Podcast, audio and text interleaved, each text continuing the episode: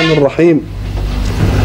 الحمد لله على جليل فضائله وجميل إفضاله والصلاة والسلام على سيدنا محمد وعلى آله وبعد. فقد انتهينا في اللقاء السابق عند قوله سبحانه إني جاعل في الأرض خليفة وقلنا إن هذا هو أول بلاغ صدر من الله بشأن آدم إلى الملائكة. وقلنا إن الملائكة استفهمت أيخلق الله خلقا جديدا يسفك الدماء وهم يسبحون بحمد الله فأجاب الله إني أعلم ما لا تعلمون.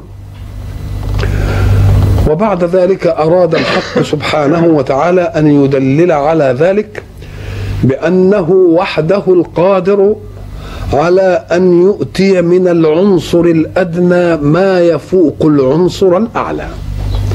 وكل خلق البشر وإيجادهم في صنعاتهم إنهم لا يقدرون أن يجعلوا من الأدنى أعلى أبدا ولكن الأدنى في يدهم سيظل أدنى لأنهم لا يملكون طلاقه قدرة الحق.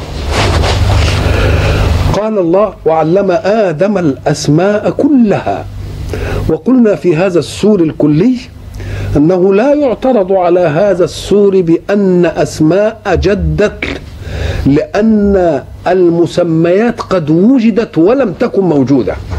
فهي من وضع الناس ومن وضع الخلق. قلنا إنما وضعوها بألسنتهم التي اتفقوا بها وتواضعوا بها والألسنة إذا أردت أن تردها تردها إلى الإيه؟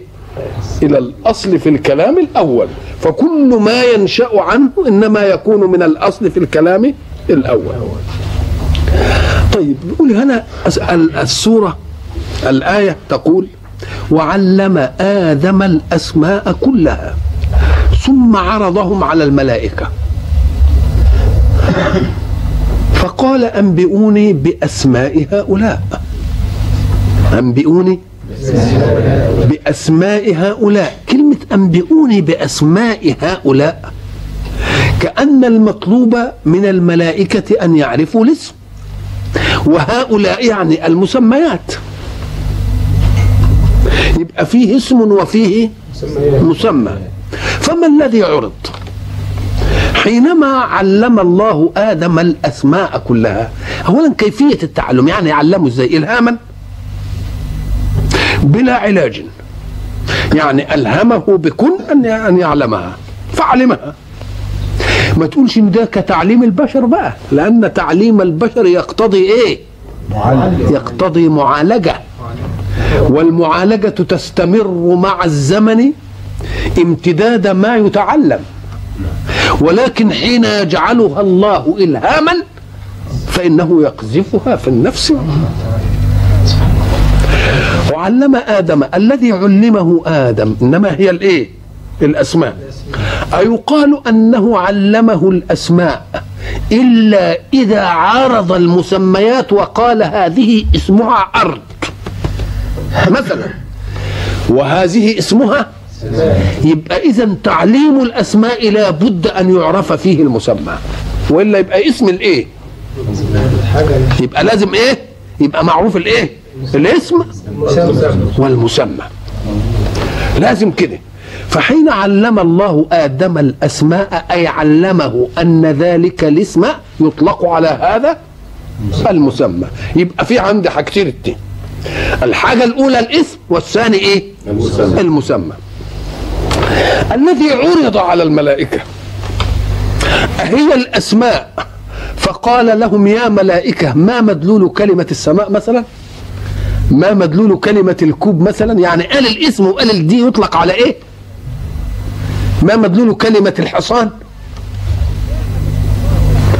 أو جاء بالحصان وقال لهم ما اسم هذا؟ يبقى الاختبار يجي كم بكم نوع؟ نوعين.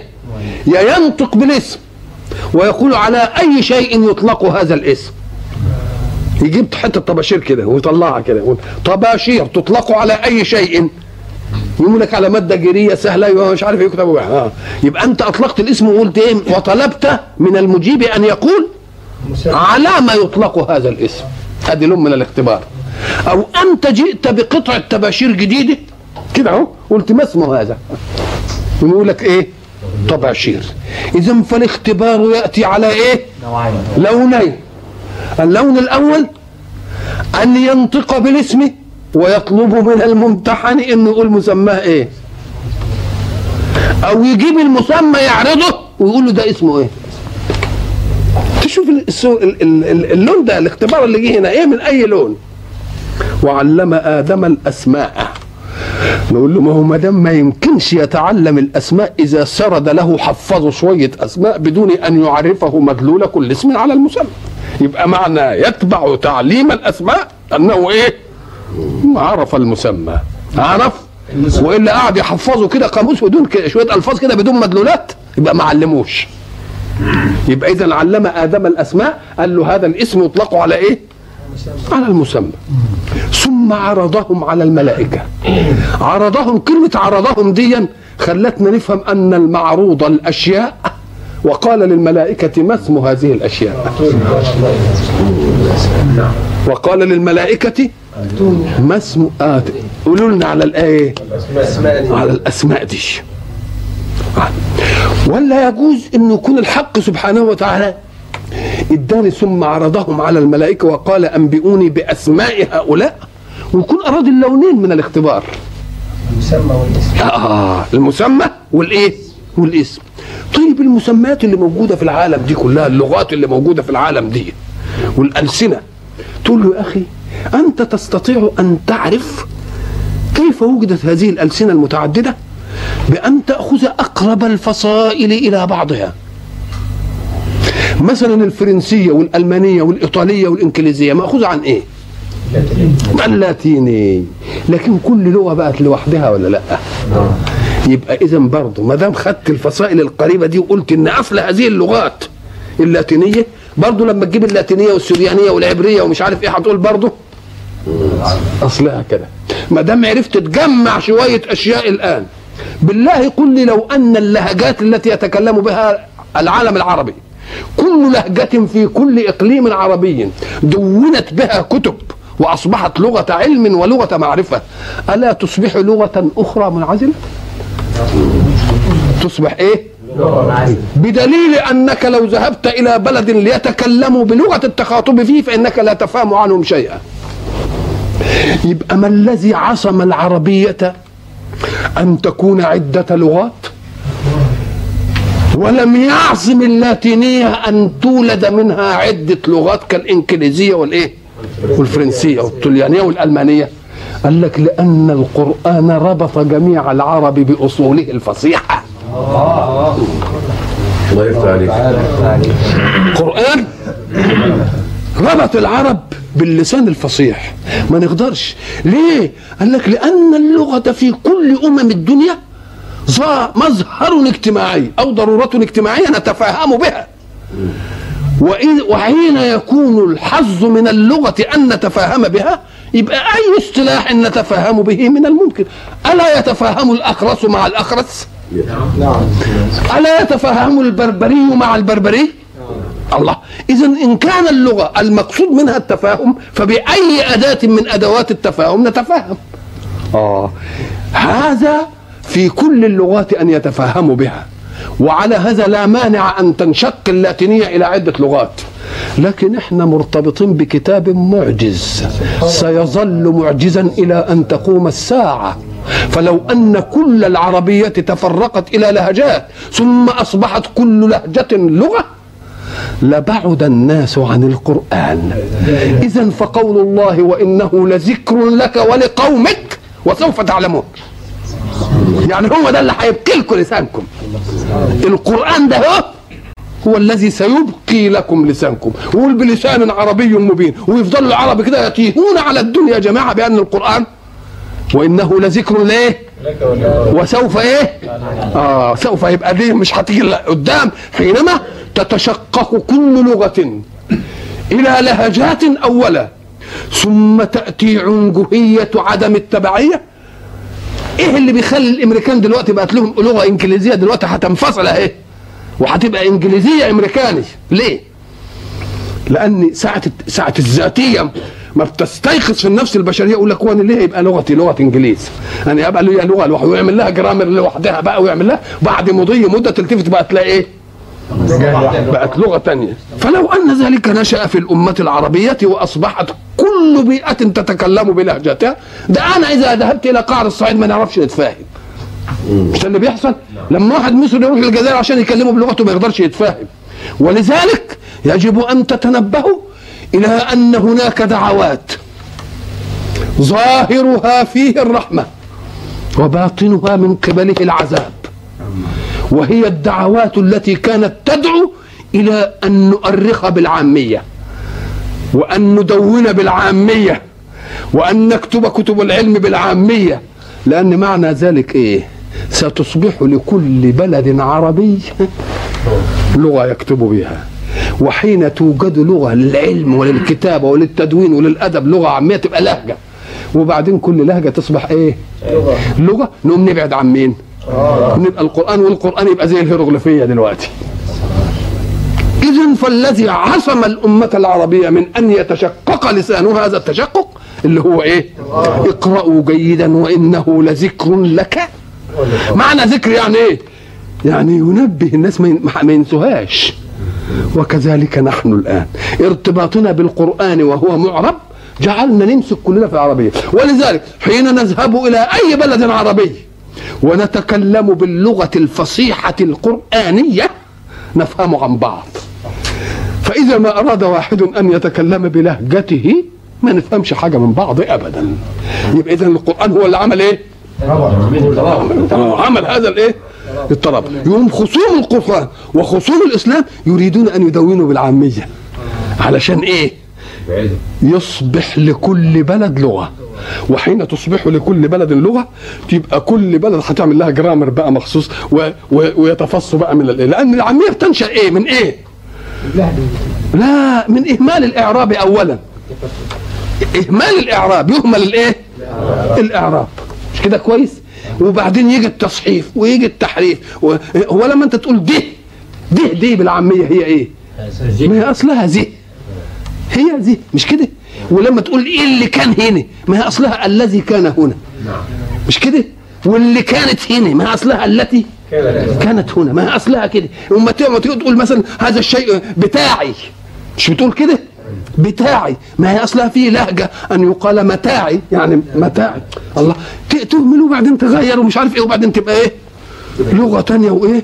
وتبعد. فكان حظ هؤلاء ومن ال... وللأسف اننا بنسميهم مفكرين وبينسبون إلى الإسلام وينسبون إلى الأمة المصرية التي حضنت اللغة العربية والتي حضنت القرآن وجعلت لغة القرآن أعذب لغة ينطق بها المصري. ما فيهاش رطانه ولا خنافة ولا لية ولا أي حاجة حاجة كده سبحان الله. ولذلك يقال الناس يقول لك القرآن نزل بالحجاز. مثلا مش كده؟ وكتب في تركيا. كل خطوطنا الآن في نسخ القرآن إيه؟ تركيا. تركيا من اللي هي مش عربية. الجمال الخط ده والهندسة الخطية بتاعت مين؟ تركيا. بتاعت تركيا. وحفظ في مصر. نعم. يبقى إذا كل دعوة إلى هذا ويجي يدعي دعوة ثانية يقول لك إيه؟ ما نكتب بالحروف اللاتينية. ما هي برضه دعوة. أيام ما جم الجماعة اللي مستغربين مش المفقين هم المستغربين دول شر على الإسلام وعلى العرب من المستشرقين. لأن المستغرب إنسان عربي مسلم فأنا بتقبل كلامه بدون تشكك. لكن المستشرق يمكن أخذ كلامه كده يعني وأتشكك فيه وأقول ده عدوني إنما دخلوا لنا من إيه؟ من بيننا يقول لك اكتب باللاتينية. ليه يا شيخ نكتب باللاتينية؟ قال لك يا شيخ عشان الشكل ده نغير الشكل ده الشكل ده يتعبنا قوي لما نقعد نشكل نشكل الكلمة. أقول له يا أخي أنت بدك تختصر ولا بدك ت... طب ده أنت لما تشوف مثلا الكلمة في كتب مثلا ويقول لك يعني إيه كتب وإيه كتب؟ مش كده؟ وإيه كتب ما هي تتنطق كل نقول له إحنا هنعرفها مرة واحدة. وبعدين تغنيني بره إنني أعمل كل حرف وحرف حركة بعده. لأن دلوقتي لما تكون عايز تكتبها لاتيني على اللغة الثانية عايز تعمل حرف وتجيب الحركة بتاعته. مش كده؟ تجيب الكاف وتجيب إيه؟ حرف الإيه؟ الفتحه مش كده؟ والته وتجيب حرف إيه؟ الفتحة. يبقى زودت حروف ولا ما زودتش؟ يبقى بدل كتبة ما تبقى كام حرف كده؟ هيبقوا مثلا ستة. لا وفي حروف بقى ملهاش لازمة. بتيجي ملهاش لازمة يقول لك اسبلها ولا مش عارف بيقولوا عليها إيه؟ آه اسبل وتقعد الحرف ده ما ينطقش وده ينطق. وبعدين قال لما قال إذا وجدوا في العربية ألف قدام واو الجماعة يقولوا بتعمل إيه الألف دي؟ قال هي دي اللي وقفت في زورهم. الله طب ما تشوف إحنا ك- الكلمة كام شبر وبينطق منها كام حرف. اشمعنى ما اتكلمتش فيه دي؟ لكنهم يريدون أن نكتب باللاتينية لنبعد عن إيه؟ الأصل العربي يبقى أنتم عصر السرعة. السرعة في إنني. أنا صحيح أتعب في أن أفهم. إذا أردت الحدث هقول كتبه مش كده؟ وإذا أردت المسرح هقول إيه؟ كتب وإذا أردت الجمع هقول كتب هي مرة واحدة هعرفها. وبعدين تخف عليها في الإيه؟ في الكتابة. يبقى أنتم مش بتوع عصر السرعة بقى. أنتم عايزين لسه إن إيه؟ آه. يبقى النية الخبيثة كانت تريد أن نكون هكذا. يبقى لنا لغة لكل قطر لغة إيه؟ مستقلة. يبقى إذا اللي موجود في العالم ده كله علشان تعرف إن اللغة اللي تكلم بها الإنسان لو كانت لغة واحدة. مفهوم؟ وبعدين؟ تفرعت. لهجات الأول.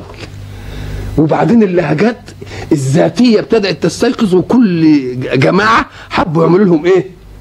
لغة. يعملوا جرامر مخصوص ومش عارف إيه وبتاع زي ما طلعت الألمانية والفرنسية اللي طالبها من اللاتينية. ولا لا؟ يبقى اذا كل لغات العرب لما تقعد تردها كده هتنتهي إلى إيه؟ إلى لغة واحدة هو الأصل الإيه؟ والأصل المعلم. الأصل المعلم لمين؟ لآدم. أو أن الحق سبحانه وتعالى عرض المشخصات التي لا تختلف باختلاف اللغات.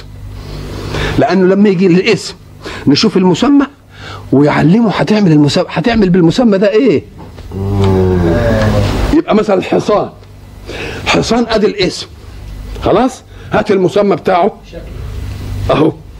كويس كده؟ طب هتعمل به إيه؟ يبقى عايزين كام حاجة؟ لأن تعليم الاسم مع المسمى بدون أن نعرف هو بيعمل لنا إيه يبقى برضه كلام ناقص. فهل الذي عرض هي الخصائص التي لا تتغير بتغير اللغات؟ إحنا شفنا مثلا الحصان بيتغير استعماله في العربية عن الإنجليزية عن. طب المية بيتغير آه، كل الطباشير. اذا فالمعلم هو الخصائص التي لا تتغير بتغير الألسنة.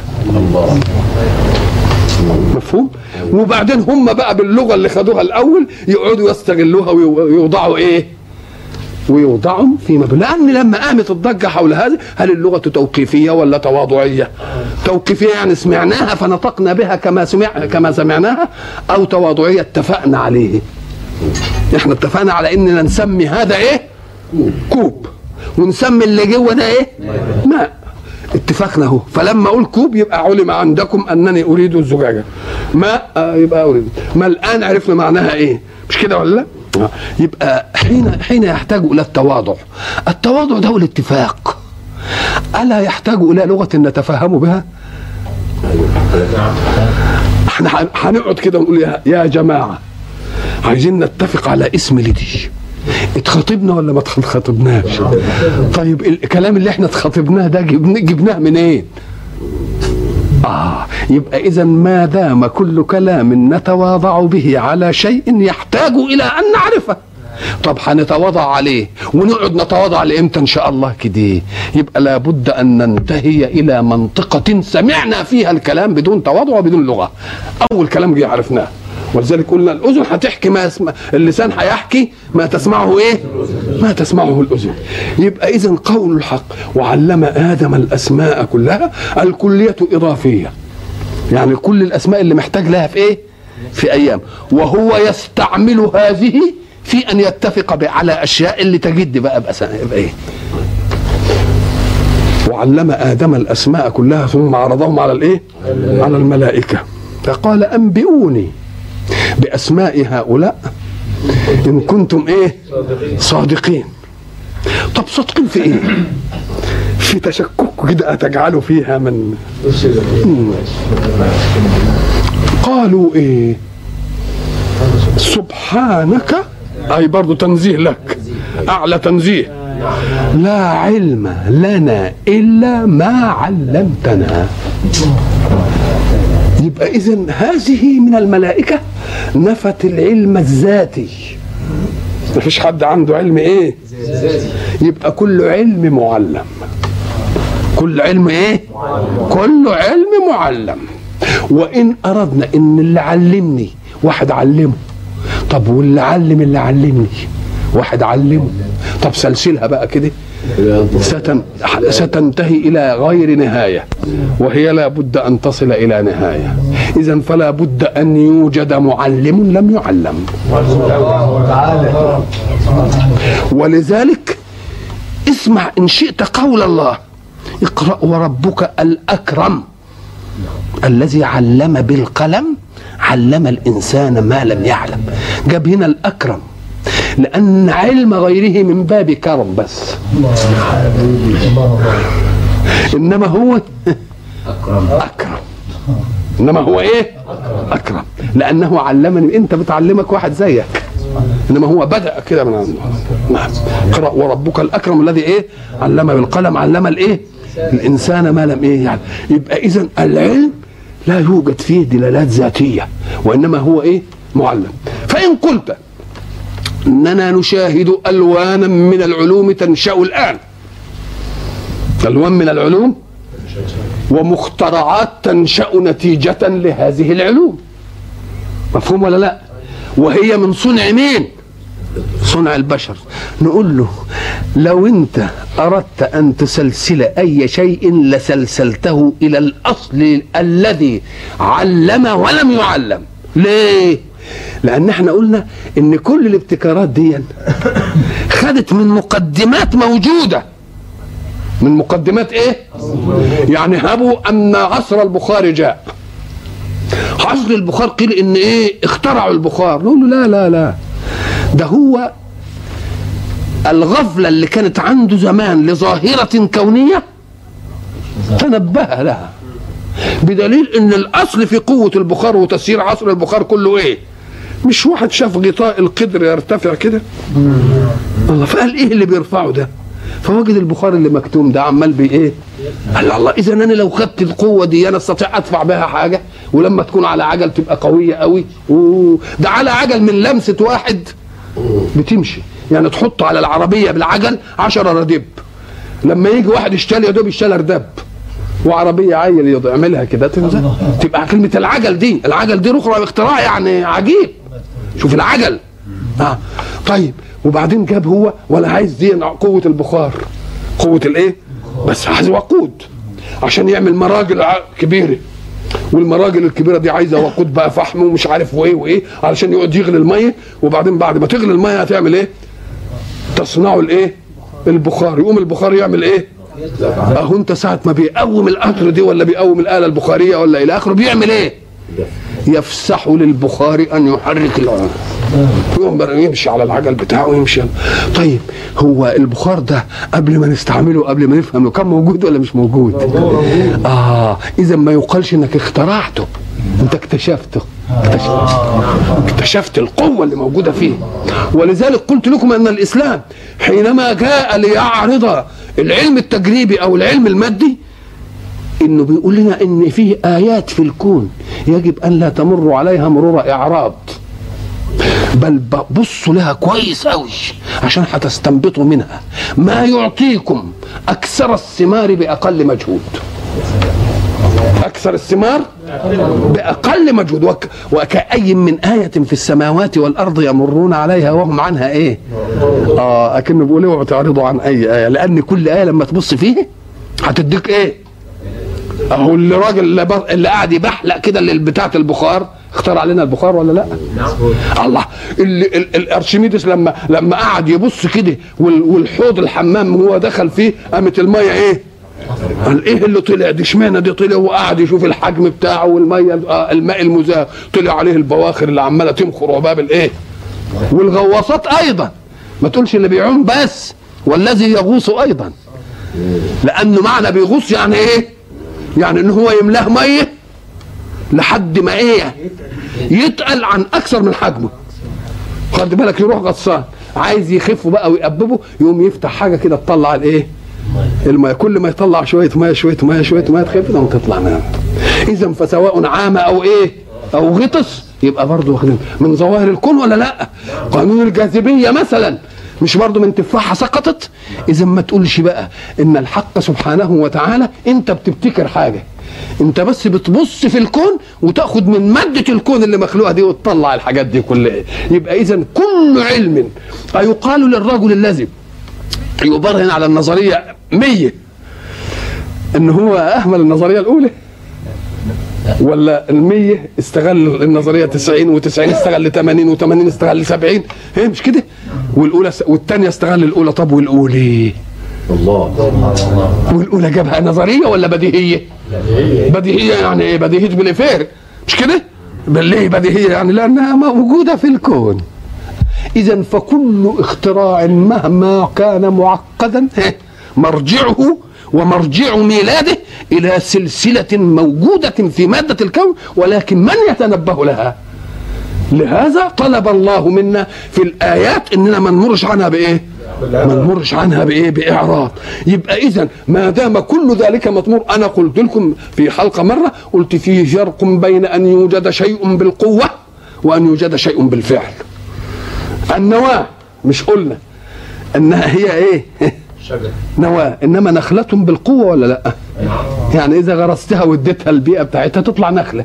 مش كده ولا لا؟ لما تبقى نخله تبقى نخله بالإيه؟ بالفعل. فكأن معلومات الكون إلى أن تقوم الساعة موجودة في الكون بالقوة. اكتشاف العقل لها بالنظر في الآيات يصبح يص... يجعلها موجودة بالإيه؟ موجودة بالفعل. يبقى اذا الحق سبحانه وتعالى هو الذي علم إيه؟ علم الإنسان ما لم يعلم من أعقد النظريات التي ستجد فيما بعد أو الحقائق العلمية تجد فيما بعد قبل قيام الإيه؟ قبل قيام الساعة تقدر تنسبها كده تقول دي متاخدة من دي ودي متاخدة من دي ودي إلى أن تصل إلى إيه؟ إلى أمر بدوي ومعنى بدوي يعني كل واحد يراه. كل واحد إيه؟ يراه. يبقى اذا الحق سبحانه وتعالى هو المعلم الأول. هو الإيه؟ المعلم الإيه؟ ولذلك شوقي لما قال سبحانك اللهم خير معلم علمت بالقلم القرون الأولى. مش كده؟ أرسلت بالتوراة موسى مرشدا وابن البتول فعلم الإنجيل. مش كده؟ وفجرت ينبوع البيان محمدا. فسقى الحديث وناول التنزيل. شوف الدقة في الأداء. الحديث لأنه من عنده يبقى سقاه إنما القرآن لأنه من الله يبقى ناوله لنا بس. شوف دقة الأداء ها؟ في قصيدة قم للمعلم إيه؟ وفيه التبجيله كاد المعلم أن يكون إيه؟ إلى أن يقول سبحانك اللهم خير معلم علمت بالقلم القرون الأولى. فكأنه نسب كل علم إلى من؟ إلى الله سبحانه وتعالى. وبعد ذلك جاء بأشرف العلوم وهي علوم التعريف بالله. أرسلت بالتوراة موسى مرشدا وابن البتول فعل. ليه؟ لأن قصار العلوم الأخرى أنها تصلح لنا في دنيانا بس. إنما العلم بقى اللي له حقيقة قيمة علم المعرفة بالله وبالأخذ عن الله. كده؟ فقال أرسلت بالتوراة موسى مرشدا.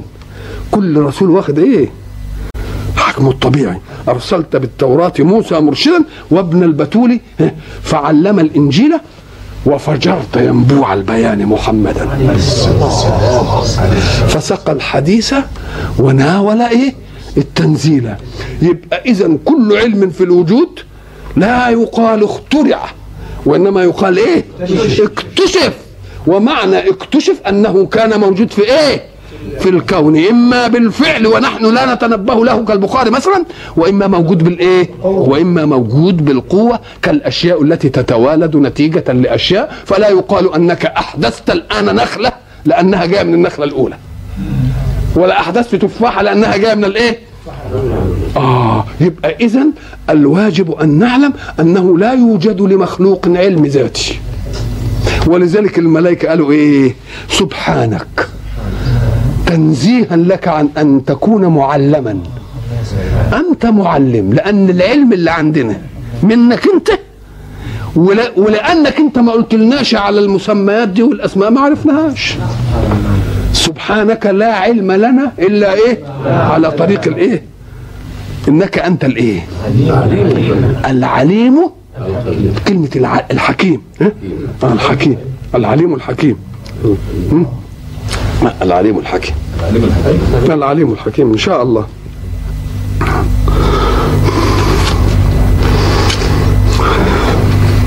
العليم الحكيم. هو حتى المناسب هنا. حكمة. ليه؟ لأنك أنت لما تيجي للعليم دي مبالغة في الإيه؟ في العلم. والمبالغة في الإيه؟ في العلم. ولذلك لما يجي يقول لك وفوق كل ذي علم عليم. عليم لأن ذي بمعنى صاحب زي ما بيقولوا. يبقى فيه فيها هو واحد وموصوف بالإيه؟ ذي علم صاحب إيه؟ إنما كل مطمور في الذات. مطمور؟ يبقى ده للعلم الذاتي. وده للعلم الايه؟ المكتسب. قلنا صاحب علم. صاحب علم يعني إيه؟ علمه من إيه؟ انما عليم يعني ذاتي. عليم يعني إيه؟ هنا بقى نقول إيه؟ حكيم. تعرف كلمة حكيم دي مأخوذة من إيه؟ الألفاظ اللي استعملها القرآن ألفاظ من واقع الحياة العربية. الحياة العربية كان كان الحيوان المدلل فيها اللي هو الايه؟ الحصان وبعدين الايه؟ الجمل جمل صحيح الجمل إذا أردنا المشوار الايه؟ البعيد وحمل أثقال كتيرة لأنه صبور ولأنه ولأنه إنما إذا أردنا الخفة والسرعة وال يبقى الحصان مش كده؟ يقوم لما يجي عشان يروض الحصان ومعنى يروضه يعني إيه؟ آه يحكم حركته. يحكم حركته إزاي؟ يقوم يجيب اللجام ويجي للحتة الحديدة اللي بتتحط على اللسان دي يسموها الحكمة. دي الحكمة. يعني إيه؟ يبقى حكمته. عايز تشد تروح شديدها كده. آه. يبقى اذا العليم حكيم يبقى معنى حكمة هي إيه؟ الحكمه ضد السفه السفه هو أن تصنع الشيء بدون دراية. لكن الحكمة أن تضع الشيء في موضعه الحق. في موضعه الإيه؟ وما دام موضعه الحق يبقى ما يجيلوش باطل ابدا. ما دام موضعه الحق ما يتناقضش. الحق ما يتناقضش ابدا مع أي واقع آخر إلا مع باطل. يبقى اذا الحكمة إنك أنت توضع الإيه؟ الشيء في موضعه الإيه؟ صحيح. وما دمت قد وضعته الموضع الحق يبقى مش ممكن يجي له إيه؟ يجي له باطل ابدا. ولذلك أدي معنى ذلك بأن الله هو الحق. وأن ما يعبدون من دونه إيه؟ باطل. مش كده ولا لا؟ مم. يبقى الحكمة ضد السفه وهي إنك أنت تضع الشيء في موضعه الحق الذي لا يأتيه باطل. لا من بين إيده. ولا من إيه؟ ولا من خلفه من من مأخوذ من إيه؟ لأنك أنت لما تركب الحصان امرار عايز تهدي. مش كده ولا لا؟ وامرار عايز تسرع. فلما ما يكونش له سرع والجام وحكم شكماه يقوم يعمل إيه؟ لسه متوحش مش مرتاض. ما تقدرش. تقوم اذا بتحكمه. تحكمه حتى تكون حركته مطابقة لما تتطلبه من الحركة. تكون الحركة بتاعته ومن هذا أخذت الحكمة بقى. أخذت الإيه؟ والحكمة دي تجدها إيه؟ هي التي تحكم كل الفنون. تحكم إيه؟ حكمة في النحو إن ده يبقى فاعل نبقى نرفعه. وده مش عارف مفعول حكمة في الفقه إن ناخد الحكم ده مستنبط مش عارف إيه. ما مش كده ولا لأ؟ الله. اذا مع الحكمة دي هتمشي. في الهندسة مثلا آآ آآ أنت عايز تبني مستشفى مثلا غير ما تبني مسجد غير ما تبني بيت للشقق غير ما تبني فله غير ما تبني إيه؟ قصر. آه يبقى ساعة ما بيصمم يقول له هتعمل دي إيه؟ ولذلك لما بنيجي نلفق بقى وناخد بقى شقة ونعملها ديوان. تلتفت تلاقيه ديوان ممسوخ. ولا له طعم. مش كده ولا لا؟ ملوش إيه؟ قاعدين كده في شقة وبتاع ملهاش طعم كده. إنما مثلا ديوان مبني زي المجمع مثلا ها؟ زي وزارة مثلا الأوقاف زي وزارة الداخلية مبني لهذا الإيه؟ طيب إذا كنت عايز ديوان غير أنا عايز مستشفى غير عايز مدرسة غير عايز مسجد الله! يبقى اذا الحكمة إنك أنت إيه؟ تصمم التصميم المناسب لإيه؟ للمطلوب. لما تيجي تلفق بقى نقول لك دي بقى مبنى ضرورة. مبنى إيه؟ مبنى ضرورة. يبقى العليم الحكيم الكون ده مخلوق خلق بحيث إن هو مخلوق على هيئة الحق لا يتسرب إليه إيه؟ باطل. باطل ابدا. لمين؟ لأن مين اللي عامله. الله. الله. اللي هو عليم وإيه؟ حكيم. وحكيم. وكلمة حكيم دي بقى تدينا حاجة تانية. أولا كونه علم آدم أشياء ما عرفوهاش الإيه؟ الملائكة. ده يدل على واسع علمه وأنه لم يعطي كل علمه لخلقه. سبحانه لا يزال عليم ويقعد يدينا بالقطارة على قد من على احتياجنا على إيه؟ على قد على قد الاحتياج. معال ولذلك قالوا له لا علم لنا إلا إيه؟ لو كان ذاتي كنا نعرف. إنما إيه؟ إنك أنت العليم يبقى ما دام أنت العليم علمك ذاتي. وإحنا بعلمنا مش إيه؟ ما دام ما عرفتناش مش هنعرف.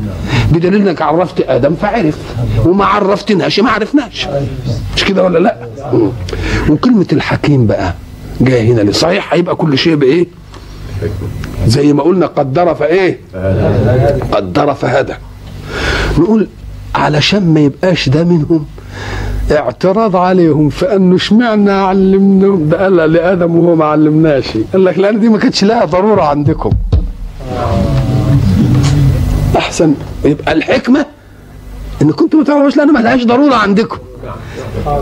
آه ما لهاش ضرورة عندكم. لما خلق آدم وابتدأنا بقى ان خلاص. وأنتم عرفتموها بس بإيه؟ بايه لا من الأدنى. شوف شوف بقى شوف شوف عركة الأنف. عركة مين؟ لا لأن لما يكون من الأعلى يمكن الأعلى يأخذ له صفة آه، نقول له لا. لا يزال الكل مردود إلى ربه. الكل مردود إلى الله. خلاص؟ أمورنا جميعا مردودة إليه وأمره ليس له رد. وأمره يبقى إنك أنت العليم الحكيم جاء في موضعها. يعني ما بنلومش إنك أنت يعني آه، عملت لنا المطب ده وخلتنا نسقط كده في الامتحان و ده لازم لحكمة يا رب. لازم لأن أعمالك كلها إيه؟ أعمالك كلها الإيه؟ لحكمة. طيب ما دام بقى ثبت كده شوفوا بقى الأرضية التي يبني الله عليها تكاليفه لخلقه. هيقول لهم اسجدوا لآدم. لازم يعطي لآدم مزية تفضل بها عليه عشان تبقى في حيثية للأمر بالسجود. في حيثية للأمر بالسجود. هنسجد لمين؟ هيسجدوا لآدم. سجدوا لأمر آدم أم لأمر الله؟ لأمر الله. آه. لأمر مين؟ الله آه. يبقى حين يسجدون مش سجدوا بأمر آدم؟ بأمر الله سبحانه آه ده بأمر من الله والسجود لمين؟ تعظيما؟ لله سبحانه وتعالى. آه تعظيما لأمر الله. لأمر الله سبحانه وربنا حب يعملها كده لأن هؤلاء الملائكة ستكون لهم مهمة مع ذلك العنصر الجديد البشر الناس. هيبقوا مدبرات وهيبقوا كذا وهيبقوا كذا فمظهرية الخضوع التدبيري التسخيري إنهم مسخرين له إنه إيه؟ يسجد يبقى ما فيش واحد يقول لي كيف يكون السجود لغير الله؟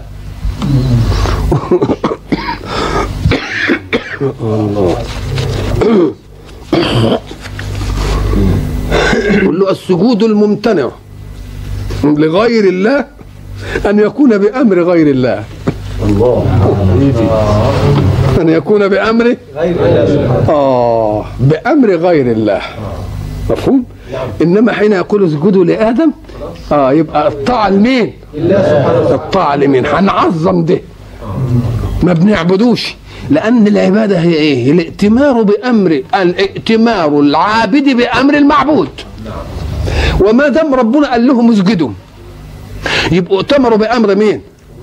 يبقوا عبدوه ولا لأ؟ والممنوع أن نكون السجود عبادة. وهنا السجود غير عبادة. حين أصلي للقبلة أنا أصلي لها. بأمر من؟ بأمر الله. يبقى اذا الممنوع أن يكون الأمر لغير الله بأمر غير الله. إنما أمر الله لغيره منه يبقى هي دي العبادة. هي دي الإيه؟ ولذلك الملائكة تنزلهم قالوا إيه؟ لا يعصون الله ما أمرهم ويفعلون ما يؤمرون. طب ده أنتوا أنتوا طبيعتكم كده. يبقى اذا ما فيش فيه إيه؟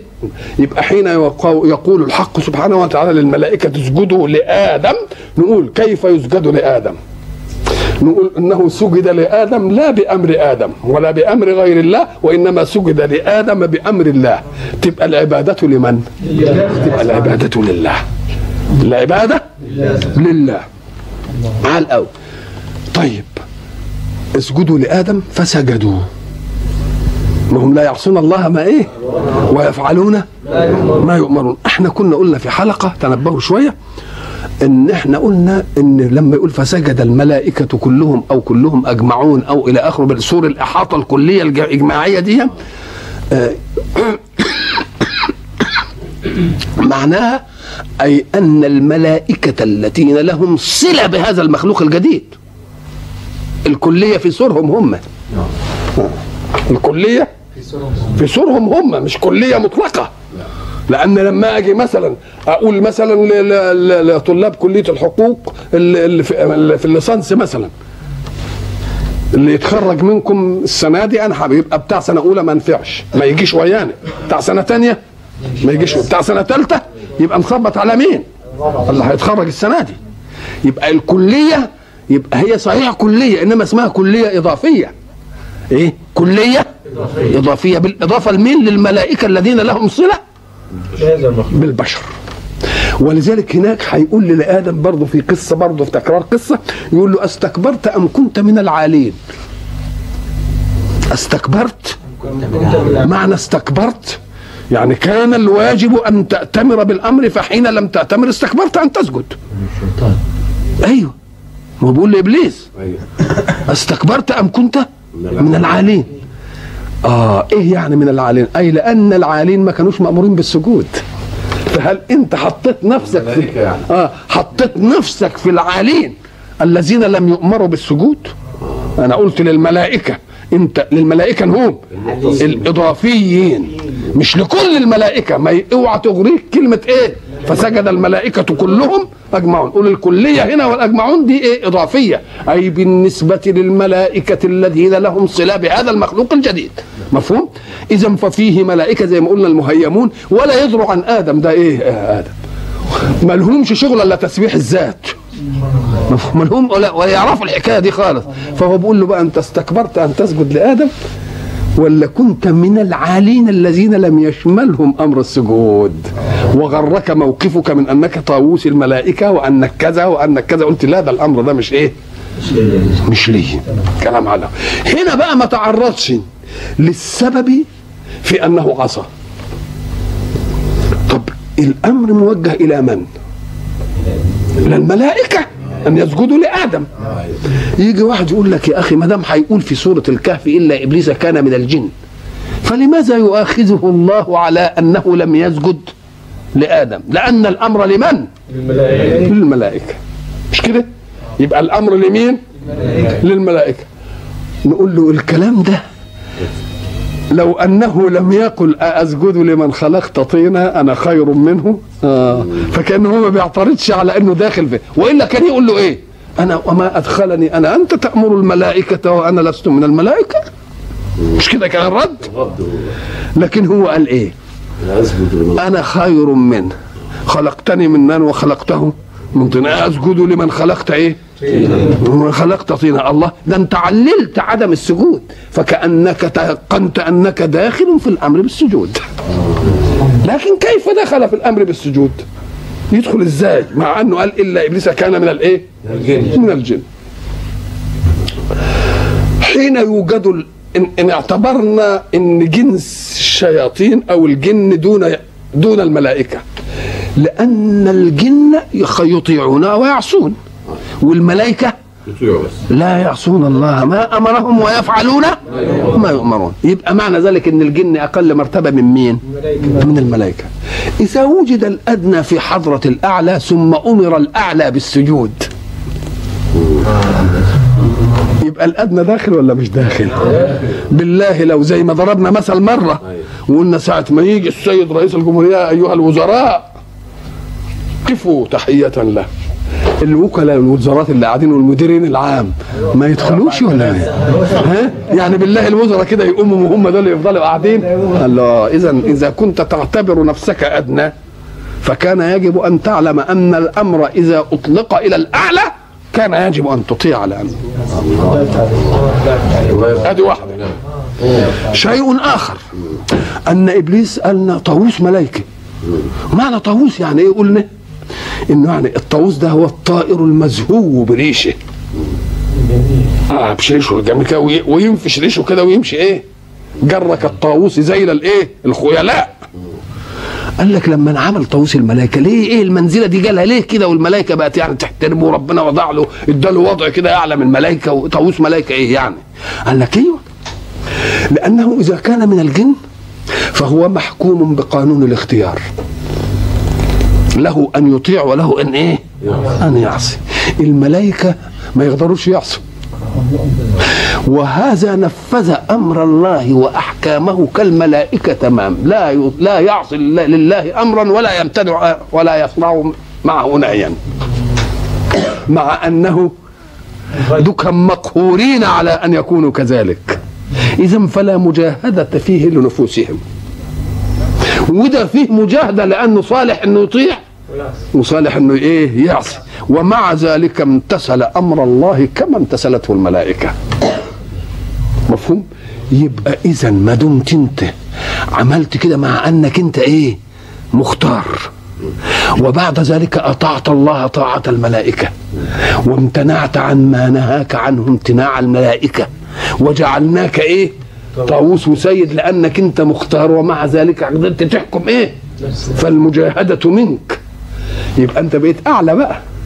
طب ساعة ما تيجي أعلى بقى كده ويجي أمر بقى من الله كان يجب إيه تح- تحافظ على اذا فإن كنت من هنا لازمتك الحجة ومن هنا لازمتك الايه الحجة. ما إن كنت منزلتك أعلى من الملائكة كان يجب أن تبادر لأنك جعلناك طاووسا ومعنى طاووس إنك أنت خير من مين؟ خير من الملائكة وفوقهم. كان يجب بقى لما يتوجه أمر للملائكة تكون أنت إيه؟ محافظ على أوليتك دي. إنما نعملك الأول وبعدين ت... آه. أسأل الله سبحانه وتعالى أن يهبنا إن شاء الله من اللقاء بكم ما نجلي به هذا الموضع في لقاء آخر إن شاء الله. والسلام عليكم ورحمة الله وبركاته